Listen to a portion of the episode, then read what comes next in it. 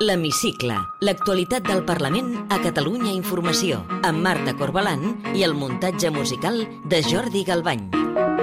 Nou xoc entre els socis del govern, aquest cop per la gestió de les ajudes als sectors afectats per la Covid i per la manera com s'han de flexibilitzar les restriccions. Desenes de milers d'autònoms s'han quedat aquesta setmana sense l'ajuda de la Generalitat enmig d'un col·lapse informàtic de la plataforma per demanar les prestacions. L'oposició ja ha demanat la compareixença al Parlament del vicepresident Pere Aragonès i dels consellers de Treball, Polítiques Digitals i Empresa.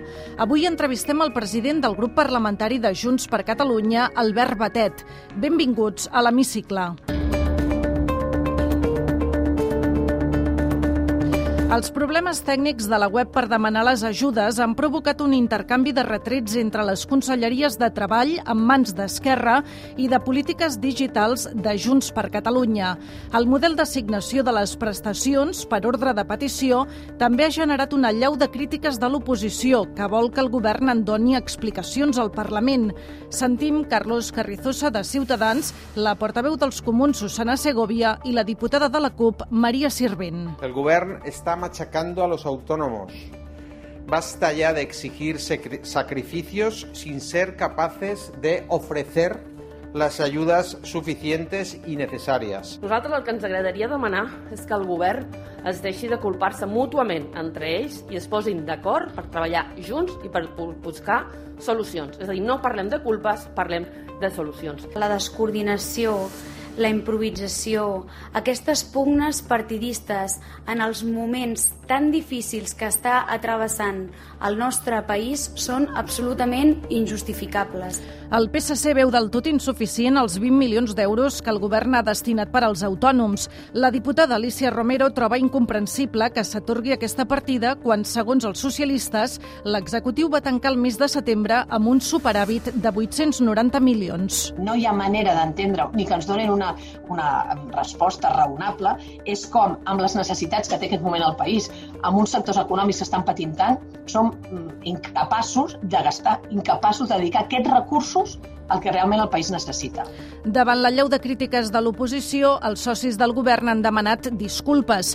Sentim la portaveu de Junts per Catalunya al Parlament, Gemma Geis, i el president del grup República, Sergi Sabrià. Entenem que el que s'ha constatat és que el sistema d'adjudicació de les ajudes no era l'apropiat. Li demanem un cop de timó al Departament de Treball, amb mesures i solucions immediates. Quan una cosa no va bé, el que hem de fer és demanar disculpes.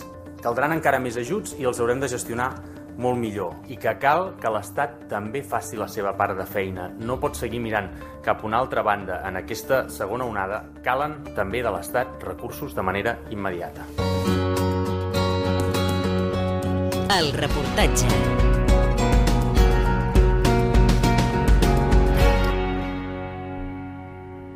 Ens comprometem a seguir treballant de manera conjunta per millorar les nostres institucions i, al cap i a la fi, millorar des de la perspectiva de la igualtat de gènere les nostres societats. És el president del Parlament, Roger Torrent, després de reunir-se amb els seus homòlegs dels parlaments de Gales, Còrsega, Escòcia i Flandes. Totes aquestes cambres han impulsat una aliança per aconseguir la igualtat entre dones i homes a les institucions. El Parlament té actualment 59 diputades i 76 diputats. Les dones representen, per tant, el 44% de l'arc parlamentari. Al llarg dels 40 anys del Parlament restablert, les xifres han anat canviant. Al 1980, dins l'hemicicle, hi havia molt poques dones, entre elles la Cati Aro, que feia d'estenotipista, transcrivint tot el que es deia al ple. Si no recordo malament, a la primera legislatura hi havia set dones 7 o 8, no n'estic segura, i crec que en aquest moment són 50 i pico. Això a nivell parlamentari, però també a nivell dels treballadors, per exemple, l'any 1980 hi havia una única uixera, i aquesta única va ser ella sola durant anys. Tot i que la presència de dones s'ha incrementat, les diputades cobren un 7% menys que els diputats perquè ocupen llocs de menys responsabilitat. Per corregir aquesta i altres diferències, el Parlament ha aprovat aquest any un pla d'igualtat per anar aplicant fins al 2023 i s'ha creat un grup de treball en equitat de gènere integrat per diputades de tots els grups, com la Gent Díaz. Això què vol dir? Que el Parlament de Catalunya discrimina les diputades? No. Si tu tens majoria d'homes a la mesa del Parlament, majoria d'homes eh, com a presidents de grup, finalment tu generes, malgrat cap llei ho digui expressament, generes una bretxa eh, salarial per exemple, a la mesa del Parlament només hi ha dues dones i cinc homes, i dels set grups parlamentaris, només un, Catalunya en Comú Podem, té una presidenta, Jessica Albiach. El Pla d'Igualtat preveu diverses accions per assolir la paritat en els principals òrgans del Parlament i la incorporació de la perspectiva de gènere en l'elaboració de les lleis. També es formarà els polítics i treballadors de la cambra en la prevenció de la violència masclista, com ens explica la diputada Noemi de la Calle. Un dels objectius del Pla d'Igualtat del Parlament és que, eh, en, en què ja s'està treballant és un protocol contra la violència masclista i la LGTBI-fòbia. Eh, també a la creació d'una oficina responsable de l'atenció a les persones afectades i també de la gestió de consultes.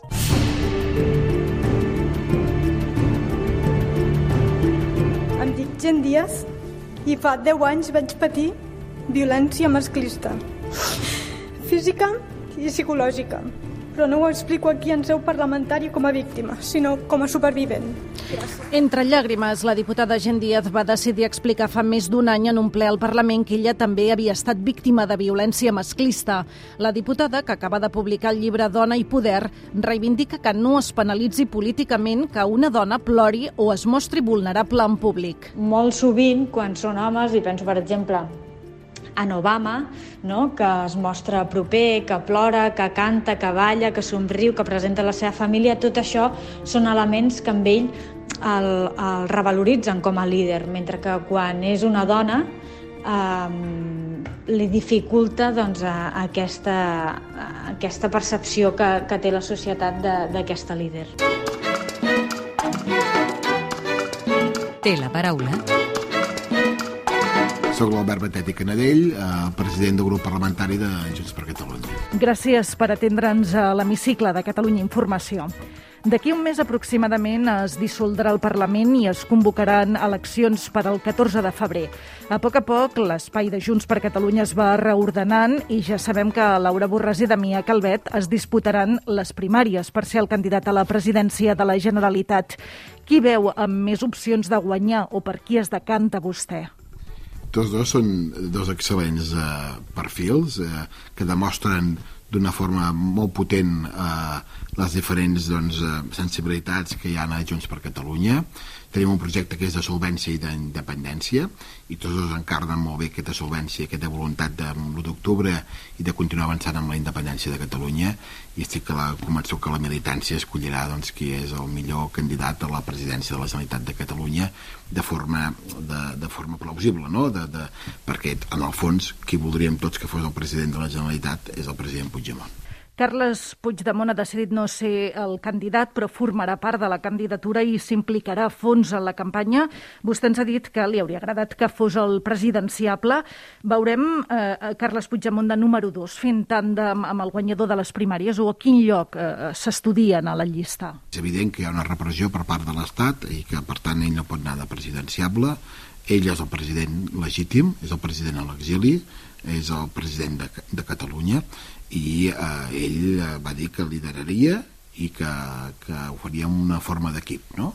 I ara el que pertoca als militants i als afiliats de Junts per Catalunya és decidir quin és el president efectiu doncs, que, que es pugui doncs, eh, eh, investir eh, en aquests termes.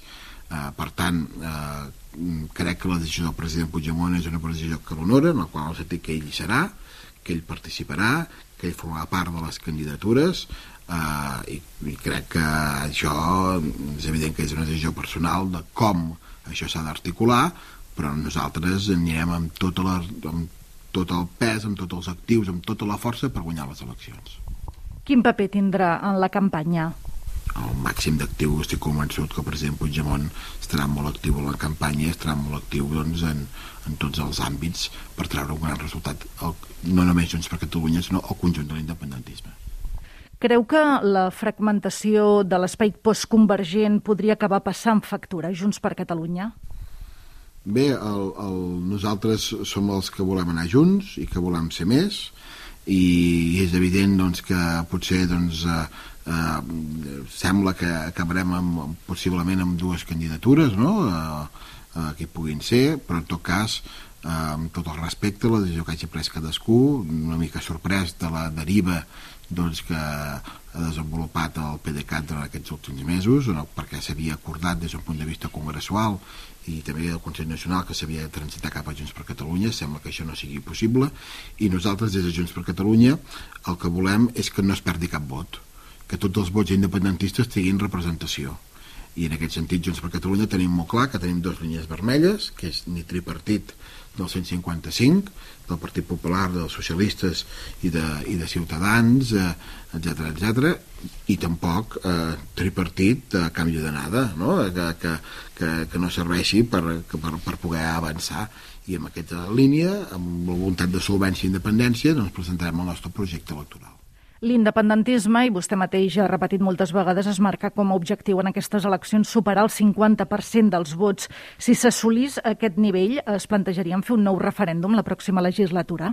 Hem de revalidar l'1 d'octubre. Eh, l'1 d'octubre marca un punt d'inflexió. Necessitem unes eleccions en qual la ciutadania es pugui expressar d'una forma lliure i si aconseguim el 50%, eh, l'objectiu és no per, eh, sinó l'objectiu és aconseguir el reconeixement internacional de la República Catalana. I això amb un 50% de vot independentista doncs és més fàcil. I si donem valor al 50%, doncs hem de fer que aquest 50% tingui conseqüències efectives. Veu un altre govern entre Junts per Catalunya i Esquerra? Bé, nosaltres no ho descartem, al contrari, nosaltres volem un govern independentista, volem un govern fort, un govern que doni respostes a, la, a, la, a la demanda de la ciutadania. Estem vivint una situació de pandèmia molt greu, amb una crisi econòmica i social molt greu, i és evident doncs, que hi ha un govern fort, i nosaltres volem un govern fort. Creu que la gestió de la Covid els pot desgastar després d'episodis que hem viscut, per exemple, aquesta setmana, com les ajudes als autònoms o les desavinences públiques entre alguns consellers? És evident que estàvem en una situació molt complexa, en una situació molt greu des d'un punt de vista sanitari, amb unes conseqüències econòmiques i socials sense precedents, i justament per això calen governs forts i caldria doncs, que un govern amb president i que no segueix inhabilitat el president de la Generalitat el president Torra i que calen molts recursos per fer front a aquestes decisions que hi puguin haver. Com definiria aquesta legislatura? Repressiva. És la legislatura de la repressió i com li agradaria que fos la pròxima legislatura? La de la llibertat. Si li sembla, entrem en el terreny més personal. Com desconnecta quan acaba un ple del Parlament? Doncs bé, doncs, doncs eh, agafo el cotxe i vaig, i vaig cap, a, cap a casa, no? I per tant, doncs, eh, aprofites doncs, per els whatsapps del, de, de la família, de, dels amics, de, de, doncs, bé, no, doncs, d'escoltar una mica de música, eh, a la ràdio, Enyora la seva etapa d'alcalde de Valls? Home, ser alcalde és una experiència vital molt intensa eh? I, i, i sens dubte jo sempre estaré molt orgullós dels meus 11 anys com a alcalde. Fa poc més d'un any que va ser pare de l'Albert. Què ha canviat en la seva vida? Tot, canvia tot, què t'he de dir. Què representa per a vostè la colla vella dels xiquets de Valls? Home, és la meva colla. és la meva colla des de petit, la colla del meu pare, la colla de la meva família, la colla dels meus amics i, i seré sempre de la colla vella. Quan era petit recorda que volia ser de gran? Els meus amics em deien que ja seria, uh, que seria alcalde, que seria president, que seria polític. Els meus amics ja em deien que anava per Catalunya. I, i, i, a, i a casa, doncs, bé, doncs, com que era una, una empresa familiar i, i d'això, doncs, doncs, doncs, semblava, doncs, deien que bé, anava més cap a l'àmbit del món de, món de l'empresa. Però bé, jo ja de petit de la política ja, ja m'agradava molt. Té alguna mania confessable? Em mossego els bolígrafs. Amb quin diputat o diputada que no sigui del seu grup compartiria una sobretaula distesa? Amb el Josep Maria Jové. I ja per acabar, completi la frase següent. El que més m'agradaria del món és... que el president Puigdemont tornés a Catalunya, el retorn del president Puigdemont, que volia el retorn de la llibertat a Catalunya. Albert Batet, president del grup parlamentari de Junts per Catalunya, gràcies per atendre'ns a l'hemicicle de Catalunya Informació. A vosaltres. Moltes gràcies.